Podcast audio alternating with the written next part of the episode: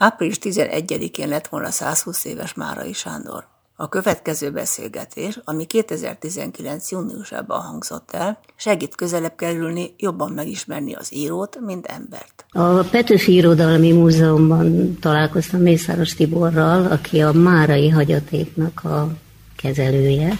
Mit gondol, hogy miért választotta az önkéntes emigrációt Márai? Hát nem az utazási kedve miatt, az biztosan. Eléggé úgy alakult a magyarországi helyzet 1945 után, ami az ő polgári felfogásának, életmódjának, és hát erkölcsi tartásának nagyon nem felelt meg. Természetesen a, a szovjet háttérrel készülő kommunista berendezkedés volt a fő ok. Nem csak azért, mert személyes támadások érték, elsősorban az irodalom kritika, főleg Lukás György és Horváth Márton részéről, de azért is, mert egy olyan világ kezdett kialakulni a polgári, vagy a polgári gondolkodású márai számára, ami vállalhatatlan volt. Emellett, mivel az élete, az élethivatása az írás volt, ezt ő úgy fogalmazta, hogy, hogy azt még el tudná fogadni, hogy nem engedik őt szabadon írni, de azt, hogy nem engedik szabadon hallgatni, ez számára elfogadhatatlan. Ez alatt azt értette, hogy kényszerre, külső nyomásra kell valami olyat mondania, írnia, amit ő nem akar, ezt ő nem tudja vállalni. Ez volt a végső lökés, ez egyébként gyönyörűen és hát helyenként szívfájdítóan van leírva a Föld-Föld című művében, de ez nagyon jól látszik ebben a műben, hogy ez kényszer volt a számára, tehát nem az volt az ő vágya, hogy külföldön élje le életét, hiszen, és ez volt talán az egyik legnagyobb veszteség és nehézség számára, hiszen magyarul akart írni, az emigrációban is. Ez pedig azt jelentette, hogy csak magyarok fogják olvasni. De hát ez így is történt, mert más nyelven nem, gyakorlatilag nem írt, csak lefordították a Igen. műveit. Pontosan. Néhány cikke jelent meg még 20-as években németül, azok egy részét sem ő írta német nyelven, hanem valamit fordítottak, de gyakorlatilag ettől vált egy ennyire az írásért, az írásban élő író számára, hát ezért is vált olyannyira tragikussá az emigráció, hiszen nem számíthatott arra, hogy nagyon lesznek olvasói, és 51-ben indult a Szabad Európa Rádió, ő ekkortól kezdve munkatársa volt, tehát az indulástól. És aztán egészen 1967-ig tartott ez az időszak, ez pedig gyakorlatilag 52 és 67 között élnek éppen New Yorkban, tehát gyakorlatilag az amerikai időszakot fedi le. Ezek nagyon sokszínű felolvasások voltak. Gyakorlatilag szabad kezet kapott a tekintetben, hogy miről szóljanak igen. ezek a felolvasások. Egy kicsit a, a újságíró márait idéző felolvasások voltak ezek, hiszen volt a könyvismertetésekben, volt külön könyvrovata, voltak a világpolitika eseményeit figyelők, volt egy vasárnapi krónika című rovata, ugye volt egy ilyen kötete is idehaza. Mert hogy a, a magyarországi élettel nem volt nagy kapcsolata, vagy legalábbis kevés információ jutott el. Hát nem egészen. Nem? Egyrészt leveleket itthonról kapott, és tudott küldeni is haza.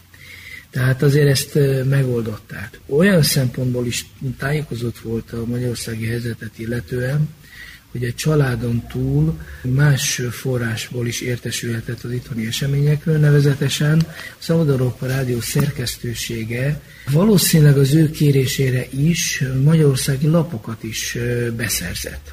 Tehát ő bizony olvasta a, itthon megjelenő népszabadságot, vagy például emlékszem rá, hogy a naplóban írja, hogy a köznevelés című folyóirat van a kezébe, ami azért valljuk meg, hogy annyira nem megszokott a Müncheni Szabad Európa Rádiónál, illetve hát ő ráadásul ezt már Amerikában is olvasta. Kapott ő valami visszajelzést ezekre? Visszajelzéseket általában véve viszonylag keveset kapott. Személyes csatornákon keresztül persze, természetesen. De, de azt hiszem, hogy, hogy a kezébe kerülő kritikákon, már mint a műveiről szóló kritikákon kívül nem volt meg az a fajta ahogy ő hívja, a cinkos összekacsintás az olvasóval, ami az uh-huh. itthoni korszakot jellemezte, uh-huh. odakint erre nem volt lehetőség. És hát azért az ő személyisége sem az volt, aki olyan nagyon könnyen barátkozó lett volna. Az a hihetetlen műveltség, amivel ő rendelkezett, és a naplójában is, meg egyéb műveiben is folyton megjelennek a különböző hivatkozások, ami egészen lenyűgöző, és ha az ember csak a, az irodalmi jegyzéket nézi, Igen. ami szintén 20-25 oldal szokott lenni, az már önmagában egy olyan intellektuális ajándék, ha csak azt olvas el az ember, Igen. akkor is egy. Honnan ez a műveltséget? Én azt hiszem, egyrészt biztos, hogy a, a családnak is köszönhető, az apja mm, egy nagyon művelt és, és szellemileg igényes ügyvéd volt. Egy polgárvallomás, hogy bele is írja, hogy, hogy milyen könyvek vannak a könyvszekrényben. Tehát nyilván, hogy otthonról azért erre hozott valamit, de ő mindig is egy ilyen intellektuális alkat volt, a, ilyen értelemben a világra nyitott alkat. És hát egy hihetetlen tudásvágy is volt benne. Ennek is köszönhető az, hogy sok ezer kötetes könyvtára volt, ami sajnos elpusztult a háborúban 40. 48 augusztusának végén hagyták el Magyarországot. 48 talán november elejéig éltek Svájcban, talán 6 hetet töltöttek, és utána Nápolyba mentek.